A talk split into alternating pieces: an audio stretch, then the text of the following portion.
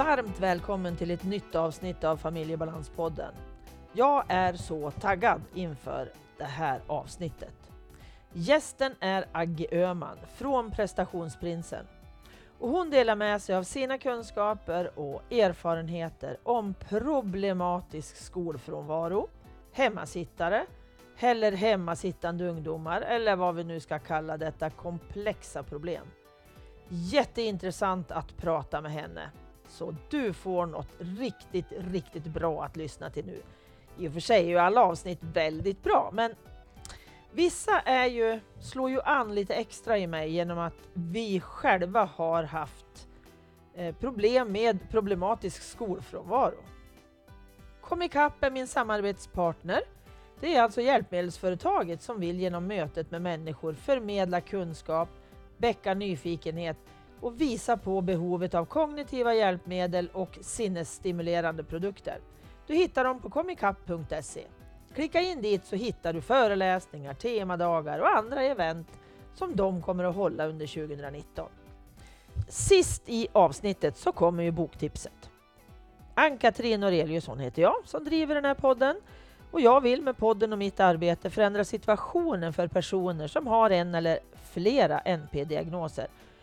Och så för dig som finns i omgivningen såklart. Behöver du en coach? Någon som handleder? Ändra din personal eller din skola eller vad det kan vara för någonting till ett hållbarare arbete kring personer med NPF. Eller känner att en föreläsning om NPF det skulle kunna lyfta er situation på din skola eller arbetsplats. Då finns jag för dig. Och du vet väl att du som är anhörig till någon med tvång kan gå en webbkurs hos mig. Det är för dig som behöver lära dig mer om tvångssyndrom, vad det är för någonting, hur du som anhörig ska göra och vad det finns för hjälp. Kolla in familjebalans.se under fliken tjänster så hittar du information där. Eller om du vill delta i en samtalsgrupp som jag kallar klurgrupp där vi söker svar på dina frågor om MPF.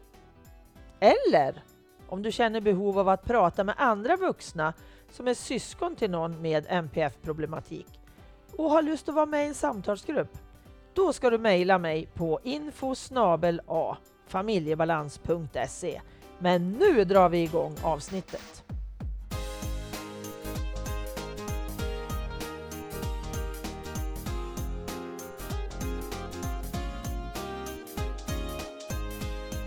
Hej Aggie! Hej Ann-Katrin! Och välkommen till Familjebalanspodden. Tack så hemskt mycket. Nu ska vi prata om något som jag känner mig supertaggad inför. Ja. Och det är ju problematisk skolfrånvaro. Just det. Mm. Men först så vill jag att du berättar lite, vem är du Aggie? Ja, vem är jag? Jag heter Aggie Öhman och jag driver en verksamhet som heter Prestationsprinsen. Eh, det började med en blogg för ja, knappt tio år sedan. För jag tyckte att det var så mycket kring barn och unga som inte fungerade. Och den där växte och det har blivit en ideell förening som jobbar med föräldrastöd och opinionsbildning. Och så mm. har det blivit en, eh, en verksamhet där jag ger kurser och föreläser, handleder och så vidare. Eh, även konsultar genom att stötta Eh, verksamheter som till exempel då utbildningsförvaltningar och socialförvaltningar hos kommuner som alltså har hand om kommunens skolor och ansvar för, ja vad ska vi säga, att kommuninvånarna mår bra då, socialförvaltningen mm. på olika sätt. Och det handlar om unga psykiska hälsa men speciellt då fokus på problematisk skolfrånvaro som av en händelse det vi ska prata om idag. Mm, precis. precis. Mm. Men så, sen, ja, Mm. Fortsätt Nej, jag tänkte bara säga också att eh, jag har ju skrivit en rapport som heter Skolans tomma stolar om frånvaro i grundskolan och kommuner och skolors arbete med fråga, frågan.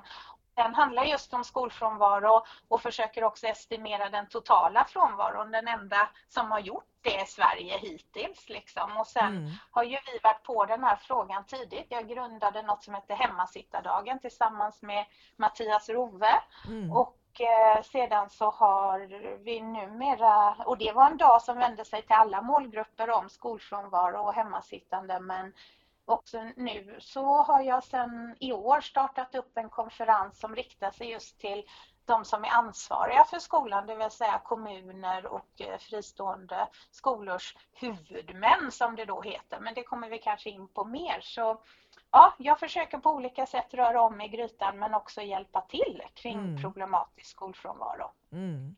Men berättade du varför du startade bloggen? Nej, det sa jag inte.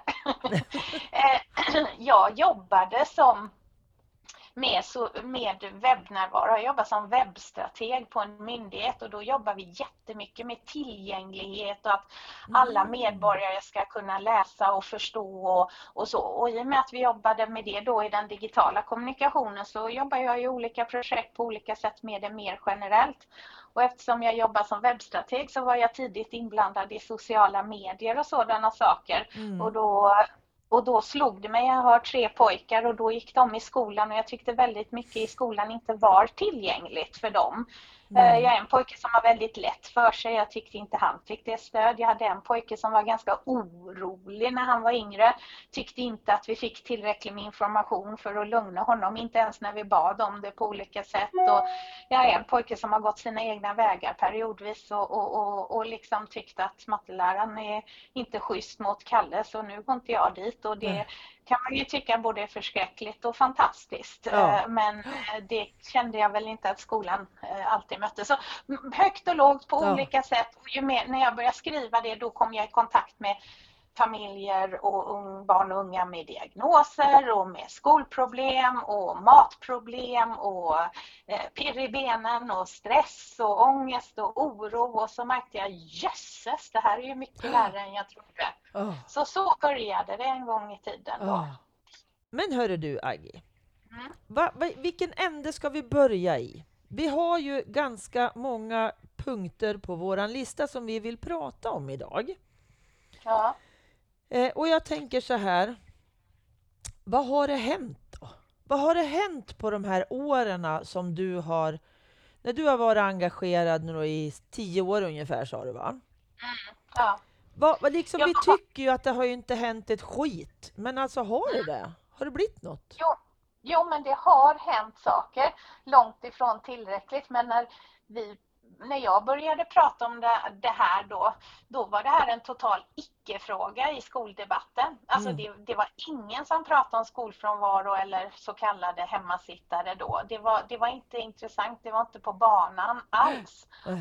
Och det måste vi ju säga att det är idag. Sen har jag synpunkter på vad som talas i debatten och det, det kanske vi kan återkomma till. Mm. Men det är ju definitivt något vi pratar om idag och som det till och med då jag och många andra har väl vad man kallar lobbat mot politiker och, och, och, och, att, att vi skulle få någon sorts utredning kring det här så att det hände saker i skolan och hos då kommunerna som ju är ansvariga för sina sko kommunala skolor och blir tydligare för fristående skolor, så kallade friskolor. Men mm det, det, har ju hänt då, så, så det gjordes en utredning som presenterades i januari 2017 som hade många bra förslag. Det blev väl lite av en tummetott av den, men det blev okay. en del saker i alla fall. Uh. Det blev ny lagstiftning förra året som tydliggjorde kravet på att eh, ta tag i skolfrånvaro på olika sätt.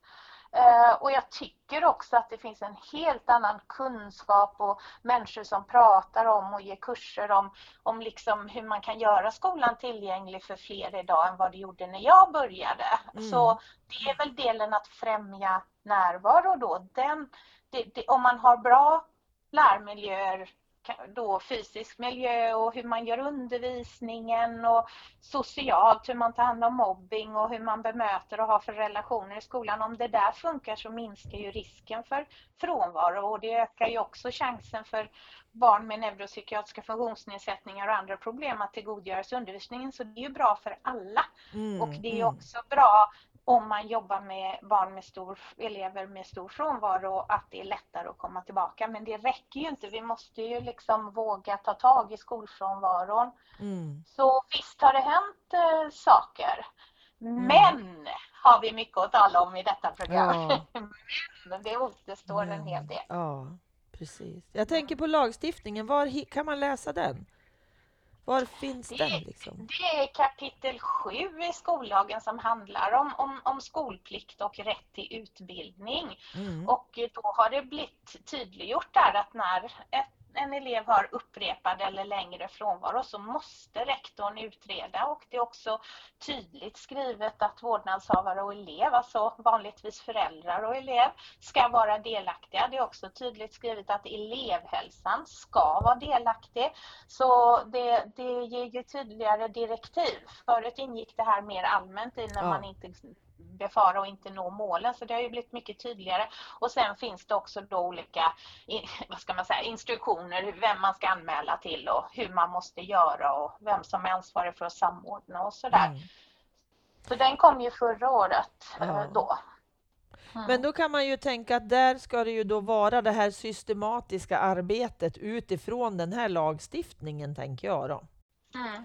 Men hur, hur de här rektorerna och skolorna som inte vet riktigt vad fasiken ska vi göra?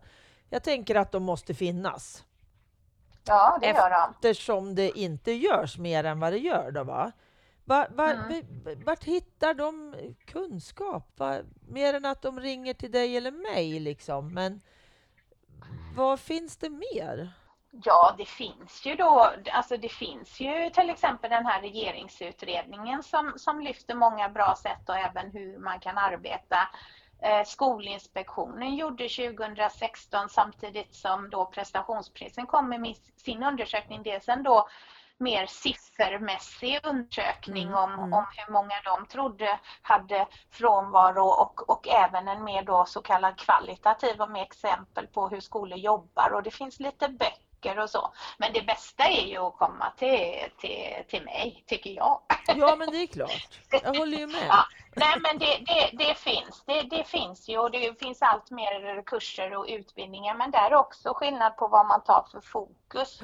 Eh, vi, på prestationsprinsen så skulle jag vilja sticka ut hakan och säga att vi vågar prata om problematisk skolfrånvaro. Att, att faktiskt prata om frånvaron och hur man bryter den och kartlägger varför och följer upp det. Att det, det går inte bara att prata om att främja närvaro. För, för, som, I Sverige är vi lite rädda för att tala om problemen. Då, så.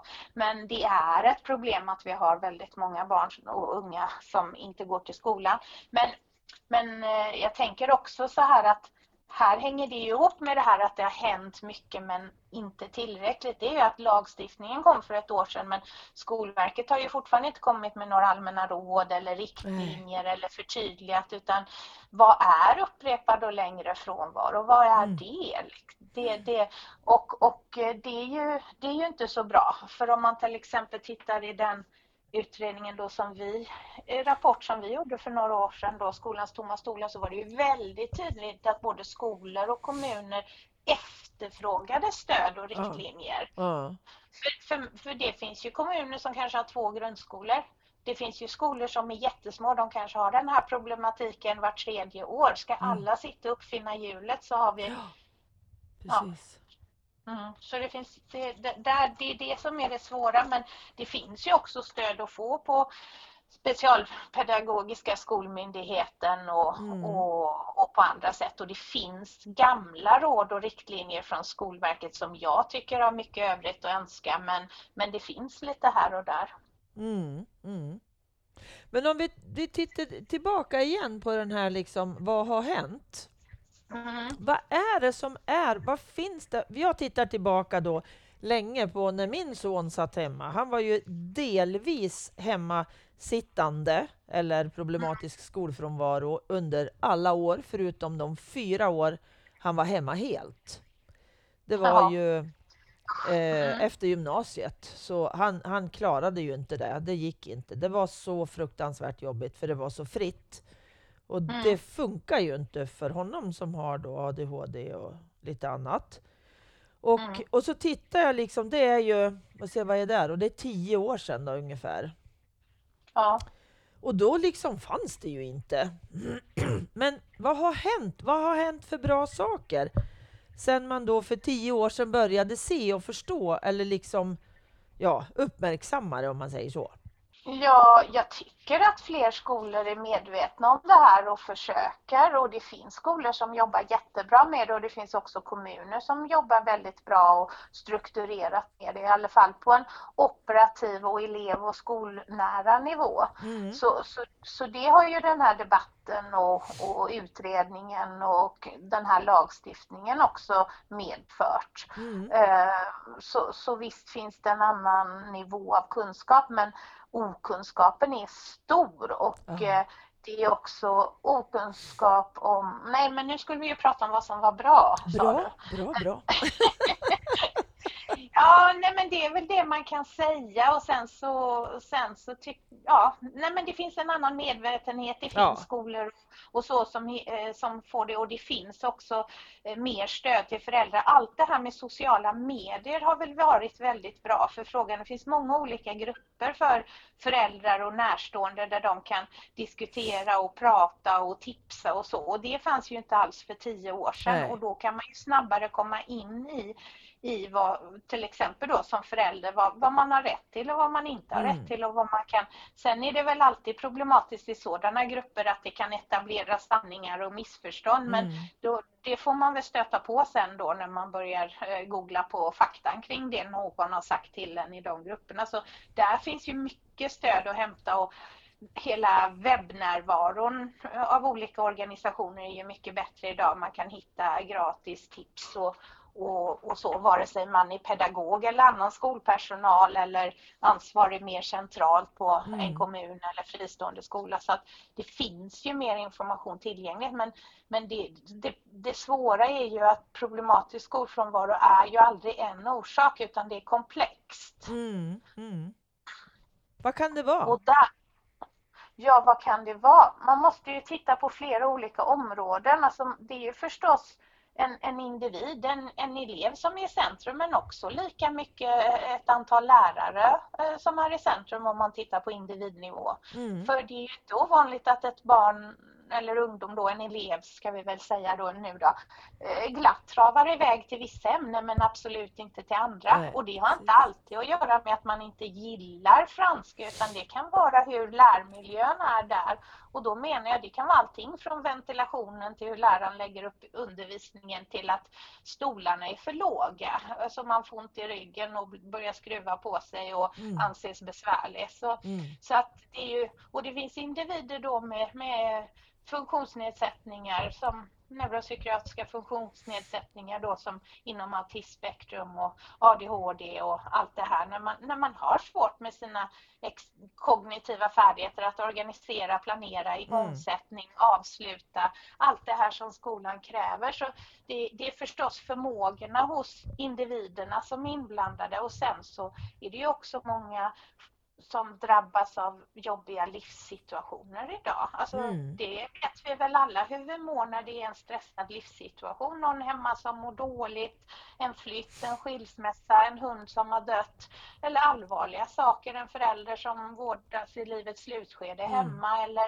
man kanske ska utvisas eller mamma och pappa kanske. Ja, men du vet, det, det är så mycket idag som stressar och oroar barn. Och det är man känslig så kan något som vi vuxna inte förstår är besvärligt vara framkalla stress och panikångest och allting och då är det inte så lätt att gå till skolan och leva upp till det man ska leva upp till från Nej. skolan och kamrater och, och så vad gäller utseende och prestation och alltihop. Så, så det är också omgivningen så. Men sen är det ju skolan förstås. Alltså mm. skolan mm. har ju ett ansvar att nå alla barn mm. och det kan vi ju diskutera om det är realistiskt. Men, men eh, det är ju också här stor skillnad på skolorna. Att, att, eh, vad har man för sorts undervisning? Har man en liten föreläsning och sen är det eget arbete att räcka upp handen? Ja. Eller har man tänkt till på att det finns barn som har koncentrationssvårigheter eller svårt, svag, svagare begåvade eller särskilt begåvade mm. eller vad det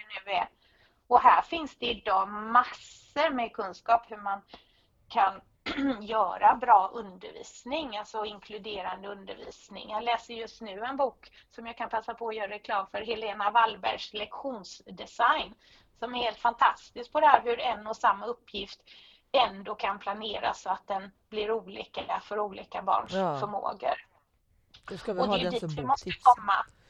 Ja, så, så, så skolan, eh, skolan är ju ofta en utlösande faktor för även om man har det jobbigt hemma då Sen finns det ju alla barn med, med föräldrar som inte förmår missbruk, psykisk ohälsa, mm. våld. Man kanske är hemma för att ta hand om någon eller och, och sen, sen och man, det finns faktiskt också föräldrar som, som understödjer närvaro, äh, frånvaro. Och då menar jag inte föräldrar som eh, helt rationellt anmäler sitt barn sjukt för att barnet mår så dåligt som det gör i skolan utan det kan också handla om att föräldrar mår så dåligt att de tycker att det är trevligt med sällskap i sin långtidsarbetslöshet okay. ja. eller psykisk ohälsa och det glömmer vi ibland. Mm. Så att eh, som du hör, det är mm. oerhört komplext. Ja. så har vi hela det här parallellsamhället med kriminalitet och vi har grupper med andra värderingar, mm. kulturella värderingar vad gäller skolor och flickors närvaro i olika ämnen och så vidare. Så att det,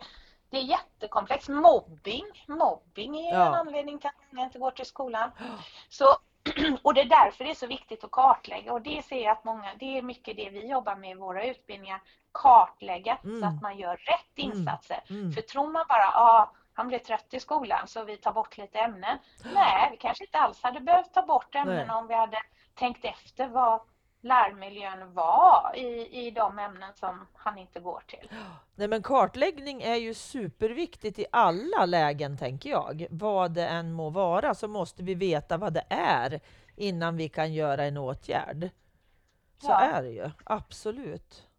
Men det är svårt eftersom det är så ja. komplext. Sedan ja. så är det också svårt för att det är skolan som, har, det är skolan som upptäcker eh, att, att barnet inte kommer till skolan eller slirar i närvaron. Mm. Och här tycker jag att fortfarande finns mycket att göra både för liksom i att identifiera i tid. Det är många mm. barn som går under radarn och här måste det bli bättre i rutinerna på skolor och, och, och kommuner. Mm. Och så tänker jag på det här med att man tycker, många tycker att ja, oj, oj, oj, det är så många som mår så dåligt och det är så hemskt så. Och det är det, absolut. Men jag tänker så här, vi har ju fått en öppenhet till att visa att vi mår som vi mår, som inte ja. fanns när jag växte upp. skulle väl aldrig ha varit på kartan att jag hade visat hemma hur jävla dåligt jag mådde när jag mådde dåligt. fanns ju inte. För då var det bara att hålla ihop alltså. Så jag tror det var ganska många som mådde dåligt då med. Men det gick ja. inte att visa det. Och vara hemma från skolan, det, då skulle man ju vara död nästan. Mm. Så liksom vi har ju ett mer tillåtande samhälle. Samtidigt så får vi ju då se hur svårt det är för många. Alltså mm. det, det, blir ju, det är ju så många sidor av det här mm. som, som eh, Alltså det är bra men dåligt. Alltså det har ju blivit jobbigt för många, så är det ju. Och samtidigt så har vi en, tillåt, en till, mer tillåtande att få må dåligt. Att ja. jag är inte dålig för att jag mår dåligt. Förstår du hur jag tänker då? Ja, jag förstår hur du tänker och det, det är ju inte konstigare. Barn är ju faktiskt bara mindre människor än vuxna. Ja. Det är ju samma, det är samma uppsättning av, av hjärna och, och eh, så vidare, kropp och, och, och så. Det är ju bara att de har en lägre förmåga än vi. Och så blir vi förvånade att när den vanligaste orsaken till sjukskrivning bland vuxna är psykisk ohälsa och, mm. och jättestor inom skolan så blir vi förvånade att barnen också mår dåligt oh. i precis samma arbetsmiljö. Det är ja. ju inget konstigt. Inte och, och, det är också så att om, om, om vi föräldrar och grannen och moster och, och allt vad det är då Uh, många har ju haft närstående som har varit utbrända och fått vara mm. hemma och så vidare. Det är klart att barnen Alltså jag menar när jag säger se det som en möjlighet så menar jag det kanske både positivt och negativt mm. som du sa. Att om, om man mådde dåligt på 60-70-talet då, då det fanns inte utrymme att, att, eh, att liksom ha psykisk ohälsa. Mm. Men idag har det det. Så, och, och det kanske ibland också som man ju pratar om kanske går för långt ibland men, men det, det, är väl, det är ju givetvis i huvudsak jättebra. Mm. Mm. Precis. Alltså det är inte bra att folk mår dåligt. Nej. Jag menar det här att prata om att, att man kan prata om det. Ja men precis. Och det är ju också tillbaka till det här att våga prata. Att våga lyfta, att inte känna skammen inte skolan heller, tänker jag. För att det, skäms man eller så och det inte liksom leder någonstans, då är det ju ingen vits. Vi ska ju liksom när vi, när vi, alltså skam och skuld är ju två olika saker, men alltså känner vi skuld att herregud, det här blev ju inget bra. Gör vi inget åt det då så blir det ju liksom bara fortsatt skit, tänker jag. Mm. Det behövs ju verkligen alltså att vi, vi vågar prata och lyfta det här. Och så mm. samarbete, tänker jag, skola och hem är så oerhört viktigt. Ja. Att vi spelar ja, på samma planhalva. Vi är mm. inte mot varandra som det väldigt ofta blir. Nej. Nej, och här brukar jag på mina föräldrarkurser försöker jag bruka stötta föräldrar i att, att det, hur, hur skit man än mår så, så vinner man genom att vara mindre känslosam mot skolan. Mm. För en, det är lättare för en skola att skjuta ifrån sig att vi har det så jobbigt och det här håller inte och jag mår dåligt och mitt barn mår dåligt. Vilket man förstås gör och som man har all rätt att häva ur sig tycker jag, som, eller häva ur sig, berätta berätta som mm, förälder. Mm. Men skolan eh, är ju tyvärr själv eh, ibland okunnig då, speciellt där, där det inte fungerar om liksom, vad, vad, vad, vad, har skolan för krav på sig där med att utreda om det behövs särskilt stöd, att mm. utreda om frånvaro. Då är det väldigt mycket mer effektivt att som förälder komma, hm, är det inte någon ny lagstiftning? Jag, jag tyckte jag hörde något om någon som berättade att man numera måste utreda frånvaro. Har ha, ha, ha, ha vi gjort det? Liksom? Ja, men precis. Kommer man längre? Och på samma sätt i mina utbildningar för, för lärare så brukar jag säga att ni har inte rätt till några känslor, eller det har ni, men ni har inte rätt att visa några som helst känslor. Det är inte relevant hur jobbigt ni tycker det är eller hur svårt ni tycker det är, utan ni är professionella i mötet med föräldrarna. Mm. Och, och, och, om de bryter ihop eller är ledsna eller talar känslor, då är det ni som är professionella och ska ja, möta det och, och, och, leda det vidare till vad det verkligen handlar om mm. rent konkret och skolans ansvar, nämligen att utreda frånvaro, att utreda behov av särskilt stöd, att ha en inkluderande och tillgänglig undervisning och så vidare och så vidare. Mm. Precis. Så, så det är också, men, men där är det ju inte bara skam och skuld, ibland är det ju någon sorts känsla av maktlöshet och otillräcklighet på båda sidor. Ja. Och då blir det lätt att det sopas under mattan och elever går under radarn.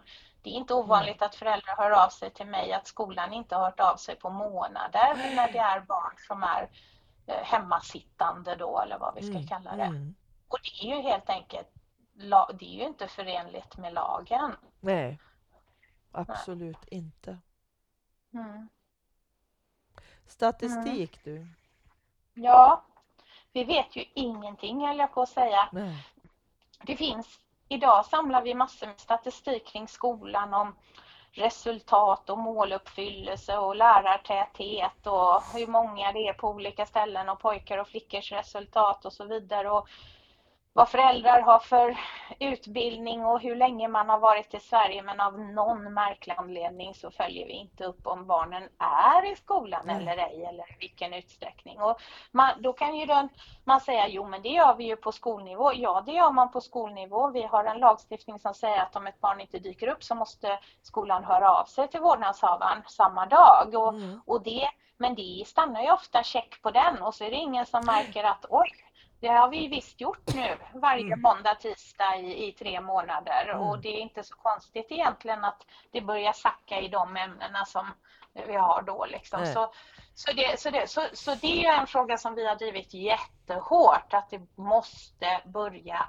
regelbundet samlas in nationell statistik. Och då säger man det här ibland att grisen blir inte tjockare för att man mäter den. Nej, men man kanske blir medveten om att grisen håller på att tyna bort. Ja, typ. eller, eller, eller, så. Så att eh, vi, vi vet ju från internationella erfarenheter och för, från forskning att det är bra att Därför att det blir en medvetenhet om problemet. Om, om, om skolorna är tvungna att aggregera, liksom samla ihop sin statistik på närvaro och tala om hur många har vi som har över 10% 20% total frånvaro till sin kommun då eller mm. annan huvudman som det heter, den som är ansvarig för skolorna. Och, och om sedan de är tvungna att samla ihop hur är läget i vår kommun eller vår skolkoncern eller vad, om det är en, enstå, en många friskolor, de flesta friskolor är ju bara en enda skola, ja. då är det ju huvudman och skola. Att, att där, och sen att Skolverket eller någon annan samlade in mm. eh, de här, mm. då skulle vi ju se. Eh, för idag så görs det inte regelbundet utan 2010 gjorde Skolverket det och 2016 gjorde Skolinspektionen det och då mäter man fel saker hävdar jag dessutom. Mm. För eh, man delar upp det i total frånvaro, då ska man inte varit närvarande en enda lektion på den månaden som de undersöker. Och det vet alla vi som jobbar med det här att närvarosystemen visar aldrig total frånvaro utan elever råkar få närvaro på vissa ämnen. Mm. Default i systemen är ofta närvaro så att det är väldigt svårt att uppnå total frånvaro. Mm. Så den är ett enormt mörkertal.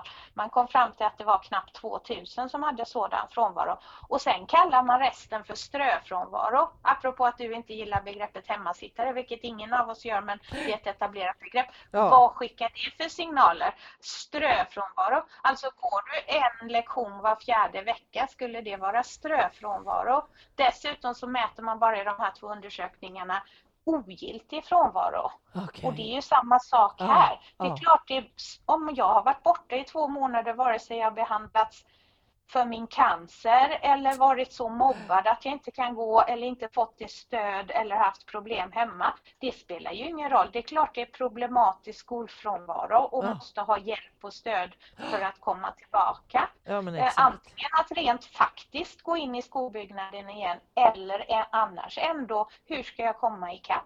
Ja. Så så eh, det, det, är fel saker man har mätt och då tycker jag att det är skandal att de enda som har tittat på total frånvaro i Sverige någonsin då, det är den lilla, lilla verksamheten Prestationsprinsen mm. som med stöd av Skandia Idéer för livet då kunde ta fram den här rapporten men det ligger oceaner av ideellt arbete bakom den rapporten. Det förstår jag.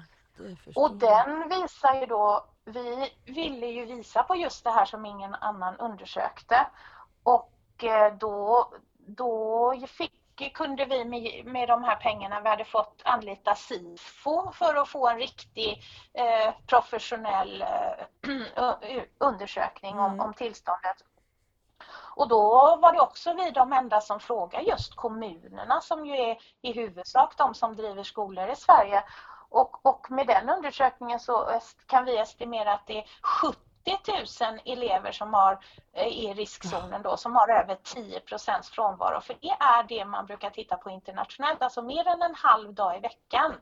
Alltså mer än en halv dag i veckan då, då börjar man få problem för det är stor risk att det är alla spanska lektioner eller varje måndag eller vad det mm. nu är och det mm. sätter spår och påverkar mm. uh, och ofta växer frånvaron så det är bra att börja tidigt. Och sen fick ja. vi fram då att knappt 20 000 har mer än 20 procent. Det motsvarar i snitt en dag i veckan. Mm. Mer än en dag i veckan. Det, det är det vi ska prata om. Idag för då kommer vi osökt in på vad debatten som nu äntligen har börjat handla om. Den mm. handlar om hemmasittare, hemmasittare, hemmasittare. Ja. Vi har det, det är alldeles för många och det måste vi uppmärksamma men problematisk skolfrånvaro börjar långt, ja. långt tidigare och det har vi forskning på att det är någonstans vid 10-15 procent vi måste uppmärksamma. Ja. Mm. Sen mm. kan det vara helt okej okay, för det råkar vara under mätperioden, influensaperiod eller, eh, och, och dessutom tandläkarbesök och så vidare. Så många kan vi avskriva direkt, det behövs ingen djup kartläggning. Men det är enda sättet att tidigt upptäcka det här mm. och undvika hem. Det är det riktiga främjandet av närvaro. Mm. Att ha fungerande frånvarosystem. Ja, men Så ont om statistik, eh, det finns statistik gjord, ingen regelbunden görs, vi Nej. vet inte hur många. Vi vet att vårt estimat här på 70 000, över 10 procent, strax under 20 000, mer än eh, 20 eh, procent är förmodligen fel därför att i samma undersökning upptäckte vi att bara hälften av kommunerna jobbar aktivt med sin statistik. Okej. Okay. Ja. Ja, så, så är det. Och det gör ju också att vi inte alls vet vilka grupper, för det, det har vi ju ingen, ingen data på heller. Vilka grupper är det som drabbas hårdast av det här? Mm. Vi, vi som jobbar med det ser ju det och olika grupper har man ju tittat på som barn med neuropsykiatriska funktionsnedsättningar, autism och Aspergerförbundet och andra har ju tittat på det och mm. ser att det är en förskräckligt stor andel mm. av deras medlemmar som har haft omfattande frånvaro och så, så de drabbas hårt. Men man kan också se eh, vad gäller måluppfyllelse och så vidare för barn då som har föräldrar som mår dåligt av olika saker. De är också eh, förstås överrepresenterade här. Men, men vi vet egentligen inte vilka och det kanske är svårt att mäta överhuvudtaget. Det kanske inte Skolverket kan, kan få till, det vet jag inte. Men åtminstone få reda på hur många de är i olika åldersgrupper. Mm. borde ju vara av intresse när vi är så oroade över att vi inte har en skola som, som, eh, där, vi, där vi lyckas hjälpa alla till måluppfyllelse. Nej.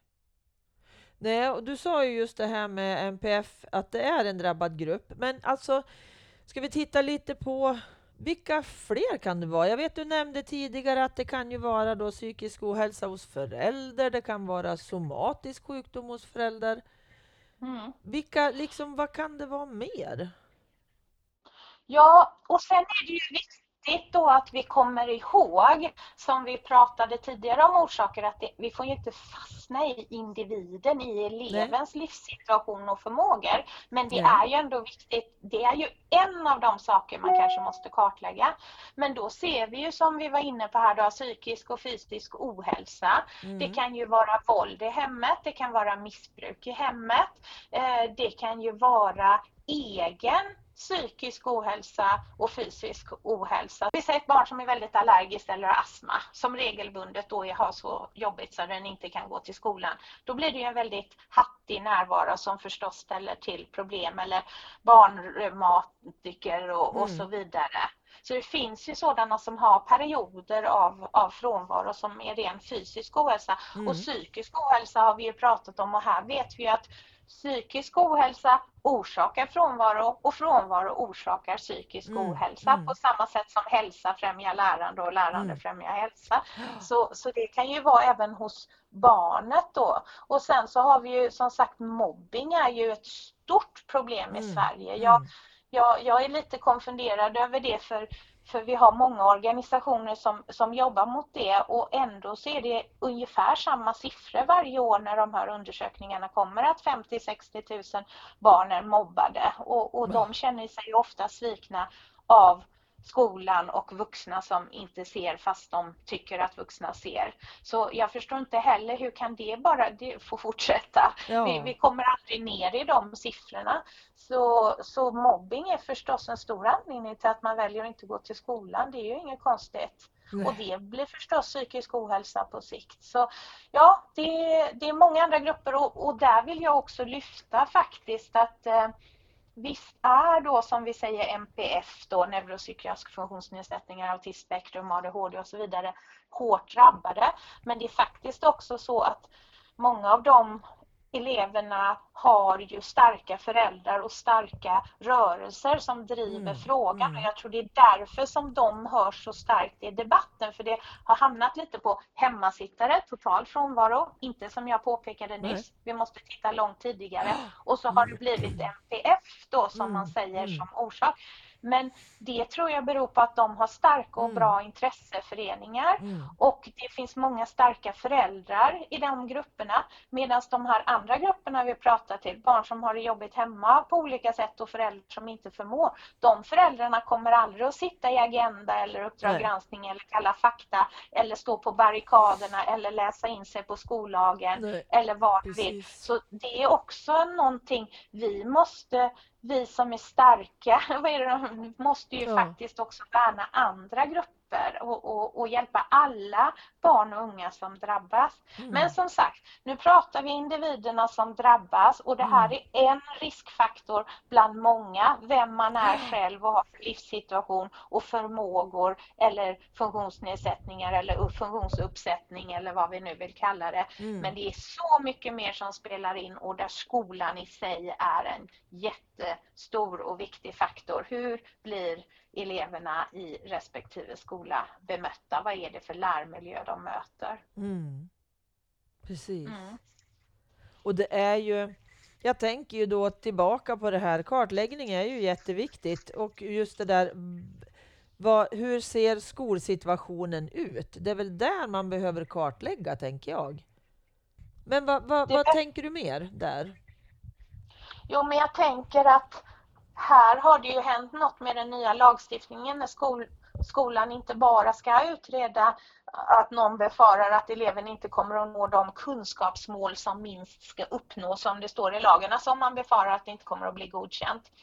Det här är ju, det här är ju mer komplext därför att eh, då, i den utredningen så är det ju faktiskt skolan och skolans ansvar att se till att, att alla elever når målen, för så är ju lagen skriven.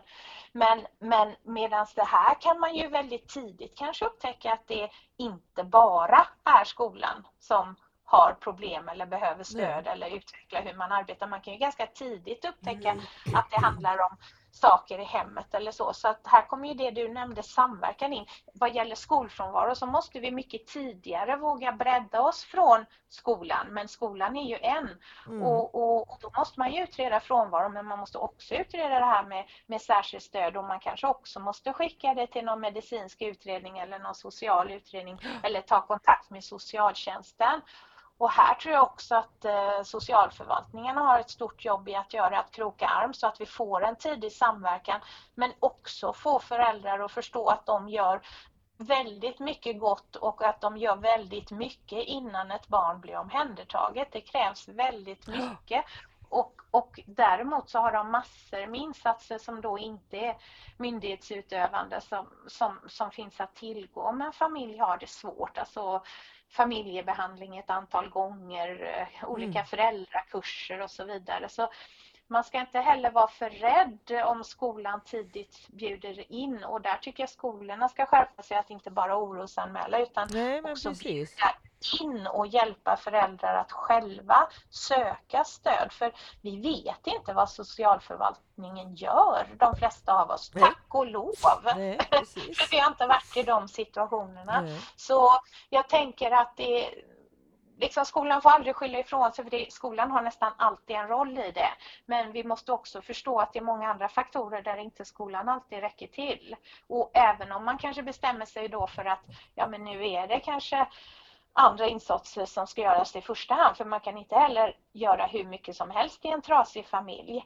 Då kanske skolan behöver backa men det betyder inte att man inte ska hålla kontakt, att man Nej. inte ska ha någon form av lärande som pågår och så vidare utan saker ska ju ske parallellt men olika mycket och det är det som är så viktigt med kartläggningen för då kan vi få till rätt insatser vi ser ju att insatserna görs rätt så här, ja men det blir anpassad undervisning, eh, får en resurs eller enskild undervisning. Och alla de där sakerna är ganska stora ingrepp i ett barns rätt till utbildning. Mm. Sen mm. förstår jag också att om en elev är hemmasittande så är det klart att man måste ta till det här med anpassad undervisning, alltså att man tar bort ämnen. Mm. Men hade man gjort vad man skulle när det börjar slira i närvaron hade vi aldrig kommit dit. Nej. Så man behö vi behöver bli mycket bättre på att förstå vilka riskfaktorer som finns och att kartlägga och därmed göra utredningen bättre så att insatserna faktiskt ger resultat. Mm. Och där kommer man också in på något vi går djupt in i på våra kurser, uppföljningen. Ja. För att det är lätt man säger så här, det funkar inte, vi gör något annat.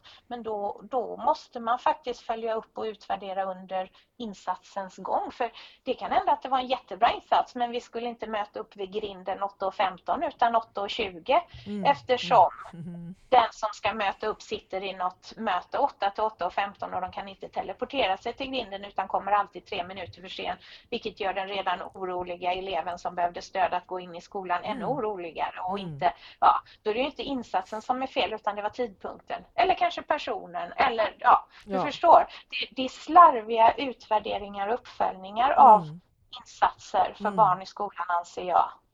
Ja, att vända på varje sten då, som man brukar säga. Att vi måste vara duktigare liksom, på att titta mycket bredare. Ja. Mm. Att liksom våga Så. där också prata och våga se och, och våga agera på det. Mm. Tänker jag. Mm. Ja. ja. Alltså det är ju så komplext. Ja, och samtidigt behöver man inte göra så himla mycket för att komma långt. Alltså, man får inte så här, Använd era IT-stöd kring frånvaro. Ta ut rapporter och ta ut på tidig och kräv att mentorer reagerar eller utser någon annan som ska göra, ta ut de här listorna och kolla. Mm. Det, barn får inte gå under radarn, det finns Nej. där. Se mm. till att alla för, äh, lärare kvitterar, liksom noterar äh, närvaro och frånvaro. Det ska inte vara okej okay att, att någon lärare inte tycker sig hinna med eller har problem med inloggningen. Vi måste ha koll på det här och mm. reagera tidigt så blir det inte jättesvårt för dem.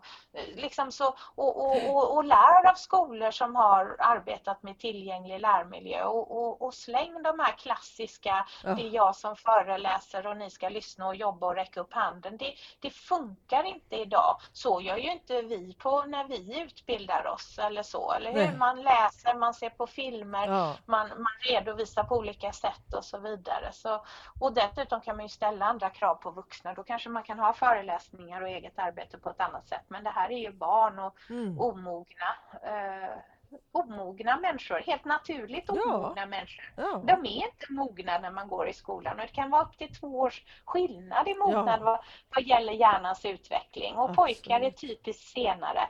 Så att i årskurs fyra liksom börja ställa jättestora krav på att springa mellan klassrum och planera sitt arbete, det är inte, det är inte okej. En del Nej. barn klarar inte det och ska man redan när man är 9-10 år då fatta att jag klarar inte av skolan, när det är vi vuxna som måste ge ett annat stöd. Det är, nej, det är mycket tankevurper i, i det här. Ja. Så att eh, det behövs inte göra så himla mycket för att väldigt många ska må bättre och klara att gå i skolan och inte behöva hamna i stor frånvaro. Så mm. ja, det, det, är ganska lätt egentligen. Sen mm. kommer vi alltid ha elever som mår dåligt och, och, och, vissa skolor som inte fungerar och så vidare. Men om vi alla bara kunde komma en liten bit på vägen skulle många, många, många, många fler elever eh, inte behöva hamna i problematisk skolfrånvaro. Nej, precis. Men du, hur mm. ser det ut? Finns det någon statistik från Europa? Våra grannländer, är det någon liksom som har tittat på det eller finns det inte någon annanstans? Eller hur ser det ut? Jo, det, det, det, finns, det finns och det är lite olika. I, eh, I England har man väldigt, väldigt länge fört statistik och haft nationell statistik på det här. I USA så är det olika olika delstater men det är 37, 38 av 50 stater där som för statistik och där har man ju väldigt goda erfarenheter av att samla in statistik på olika nivåer, liksom mm. skola och, och, och stat, statens nivå. Eh, för att, eh, för att eh, man ser mönster och något annat som forskning visar det är att när man börjar jobba med skolfrånvaro så minskar den. Alltså bara man börjar prata ja. om den så ökar medvetenheten och då reagerar folk fortare. Det bästa sättet att arbeta med skolfrånvaro det är inte att införa nya möten och nya, ja man kanske behöver nya rutiner men helst ska de ingå utan det allra viktigaste är att frånvaro är på agendan på varje möte. På socialförvaltningen när ett barn mår dåligt, går hon eller han i skolan ja. eller ej? När, när liksom familj behöver familjebehandling, går barnen i skolan eller ej? När, mm. när man har utvecklingssamtal, det är inte bara hur man har nått, hur är närvaron, frånvaron? När man har medarbetarsamtal som, som rektor, liksom, var, varför har du större eller lägre frånvaro än dina kollegor? Varför, varför rapporterar du i mindre grad än andra mm. eh, frånvaro i systemet? Vad, vad är det som inte funkar för dig? Hur kan jag underlätta det här? Alltså, så om man börjar mäta och prata om det så minskar frånvaron utan att man inför massa nya rutiner. Det är mm. ganska fantastiskt. Mm. Men man får ju ögonen på det. Och då ja. blir det ju liksom, bara det gör ju oftast att man gör någonting. Ja. Ja. Ja. Intressant det är alltså. Och skrämmande. Mm. Hur många är det som missar faktiskt? Ja, det är, det är, skrämmande och framförallt är det skrämmande att vi låter barn gå under radarn. Ja. Det, är det, det är liksom att det ska Absolut. vara, vi har en olikvärdig skola eh, på många sätt och bland annat det här då. Att, att mm. i vissa skolor så kan man helt enkelt vara borta väldigt länge utan att någon, och mycket utan att någon reagerar. Mm. Precis. Men som sagt, jag tycker att man ändå ska vara hoppfull. Alltså, ja. med, med små förändringar och större fokus på det här så, kom, så kommer det kan man vända det för många elever och, och, och, det hänger ihop med allt annat vi har problem med i skolan. Så, så det är det som är, skolfrånvaro är på något sätt den yttersta konsekvensen av allt ja. som inte funkar i skolan. Med, med att vi inte når eleverna och att de inte når sina mål och att, eh, ja, hur det nu är, pojkar misslyckas mer än flickor och, och så vidare. Det, det, det, här är den yttersta konsekvensen. Så börjar vi jobba med det här så kommer det att få dominoeffekter på andra områden. Mm. Absolut. Men du, mm. va, va, ska vi bestämma hur, hur, hur benämns? Alltså hemmasittare, då är jag hemma helt och hållet, eller?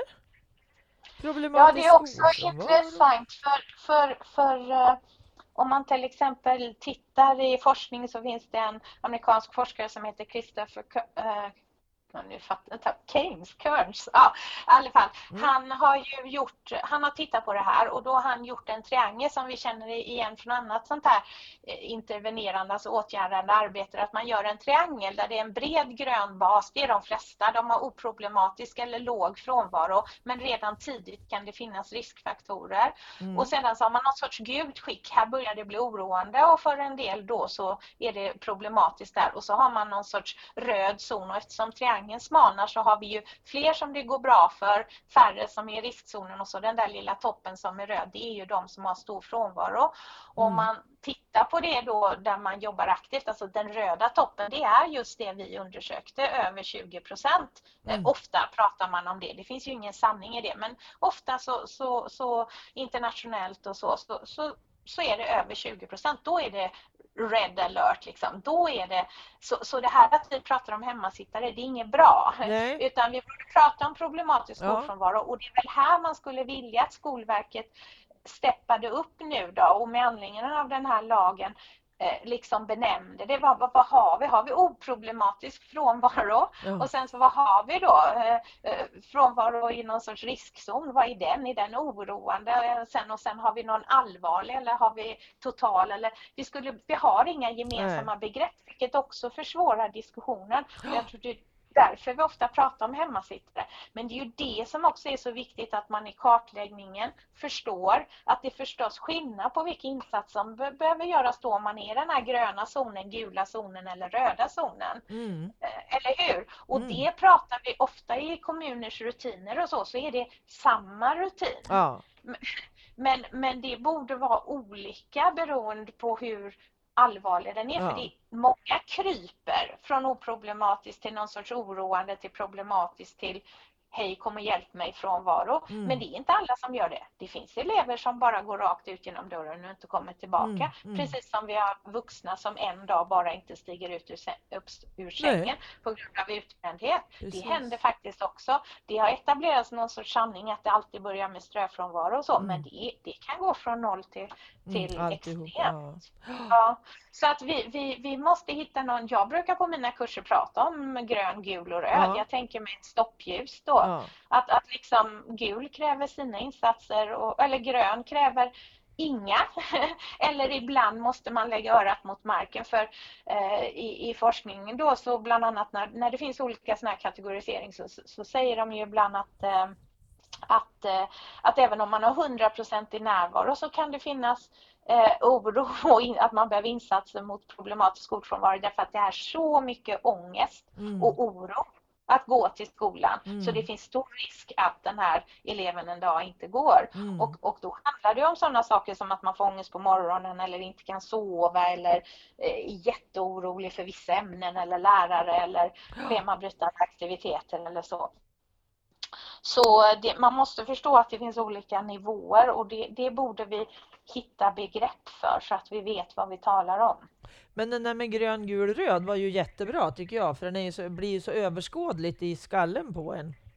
Ja, ja. Så det, det, borde vi prata om. Ja. För, och det är ju det som blir svårt i debatten och det är därför det ibland clinchar mellan olika grupper därför att man pratar om hemmasittare och så kanske någon tänker på någon som har börjat vara hemma lite och, och säger att ja, man måste stå ut och fortsätta jobba och så. Så är det någon stackars utbrända föräldrar till elever med extremröd frånvaro mm. som har kämpat utan att få hjälp och stöd i tre år. Då vill man inte höra att man ska stå ut och det är helt olika sorters frånvaro. Att ha varit uppe på rött i tre år eller börja krypa över i, i Mm. gult. Liksom. Eftersom vi inte pratar om det utan bara säger hemmasittare. Ja, Men, men det är vår, vår värld idag. Vi måste ha förenklade extrema Ja. begrepp. ja. Hemmasittare, hej och hå. Mm. Mm. Det blir enklast så. Mm. Ja.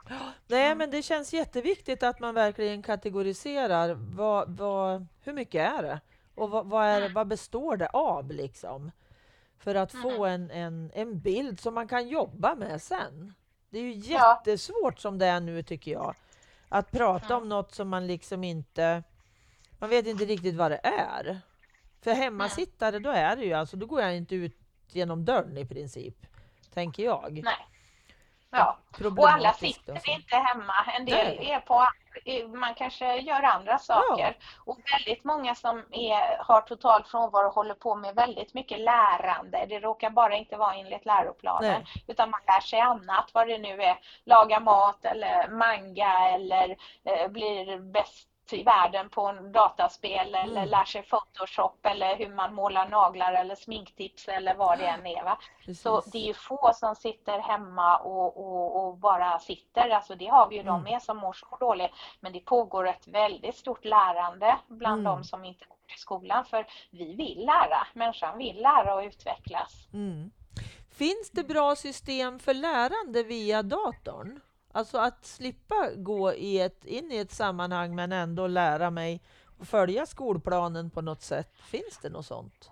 Ja, det finns många som har utvecklat olika programvaror Okej. och, och så kring det och jobbar med det faktiskt. Mm. Och det, det finns ju också många skolor som helt enkelt om eleverna har iPad så har de väl den hemma och så kan man skypa och, eller om eleven kan vara med och bara lyssna eller se men läraren behöver inte se eleven och så vidare. Så det finns ju många som jobbar med det på olika sätt och, Mm. och det är ju bra.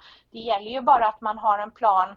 Hur Ja. tar man sig från det till något annat? ja, Det har ju också kommit de här små robotarna som man sätter i klassrummet så att det ska vara väldigt tydligt att någon fattas. Och eh, då den här roboten har ja, som en liksom, kamera och mikrofon eh, åt, och mikrofon åt andra hållet då, så, så den hemmasittande eleven kan på sin skärm se lektionen och höra allt som händer men också eh, kommunicera med klassrummet. Då. Mm. Så, eh, det, det, det, finns, det finns flera som har utvecklat olika lösningar för det där och det finns standardprogramvara som Skype och så som används eller Facetime eller vad man nu har. Det heter ju massa saker men videokommunikation helt enkelt. Ja, precis. Mm. Precis. Mm. Men som sagt det är viktigt att det ingår i en plan för hur man ska öka närvaron. Mm. Absolut.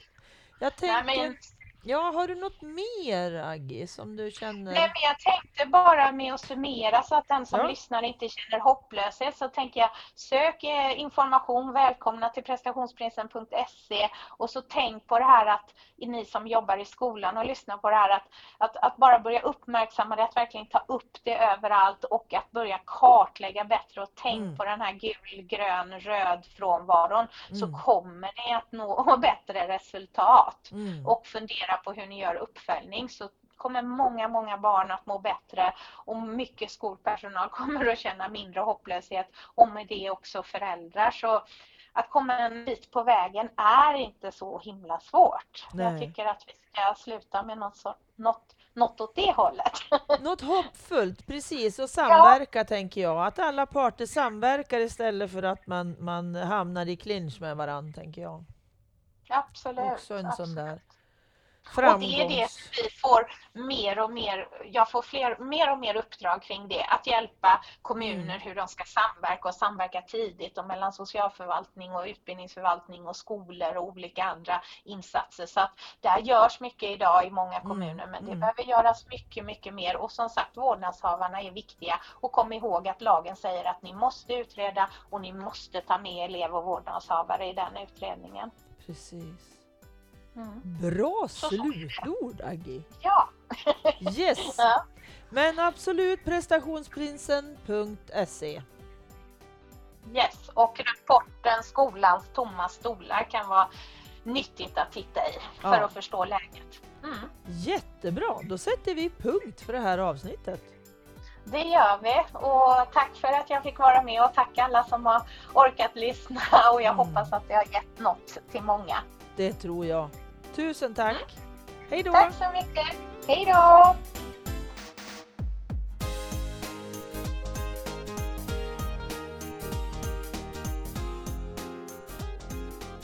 Boktipset i det här avsnittet är lektionsdesign. Det är alltså en handbok skriven av Helena Wallberg. Boken Lektionsdesign, en handbok, ger konkreta tips, idéer och aktiviteter för en lektionsdesign som möjliggör en undervisning som möter olikheter samtidigt som den främjar delaktighet. Den ger också verktyg och reflektioner som kan användas i det kollegiala lärandet. Författaren Helena Wallberg vill ersätta ordet lektionsplanering till lektionsdesign. Planering för tankarna till en färdig produkt, ett lektionsupplägg som eleverna ska ta emot. Design sätter processen i centrum och kan leda oss till insikten att upplägget av en lektion bör omfatta så mycket mer än bara innehåll och uppgifter kopplade till kursplanen. Boken går tydligt igenom lektionsdesignens alla faser och ägnar även ett kapitel åt det kollegiala lärandet. Istället för att göra olika speciallösningar för att få med alla elever kan en differentierad undervisning hjälpa oss att hantera ibland motstridiga krav på undervisningen. Det innebär att redan från början organisera arbetet i klassrummet efter den verklighet vi möter genom att vara tydliga, klargöra våra förväntningar för eleverna och erbjuda flera olika sätt att ta sig an en uppgift får alla elever oavsett förutsättningar en chans att lära. Tack till dig som lyssnat. Tack till Pelle för musiken, till Pernilla som fotade, till Marcus som fixade poddloggan, till Anders för att du redigerar mitt prat och tack Comicap för att jag får samarbeta med er. Och vill du komma i kontakt med mig så info familjebalans.se Annars så hittar du mig på Facebook, på Familjebalans, Familjebalanspodden Facebook. Lite här och där finns jag. Ha det så bra och vi hörs igen. Hej då!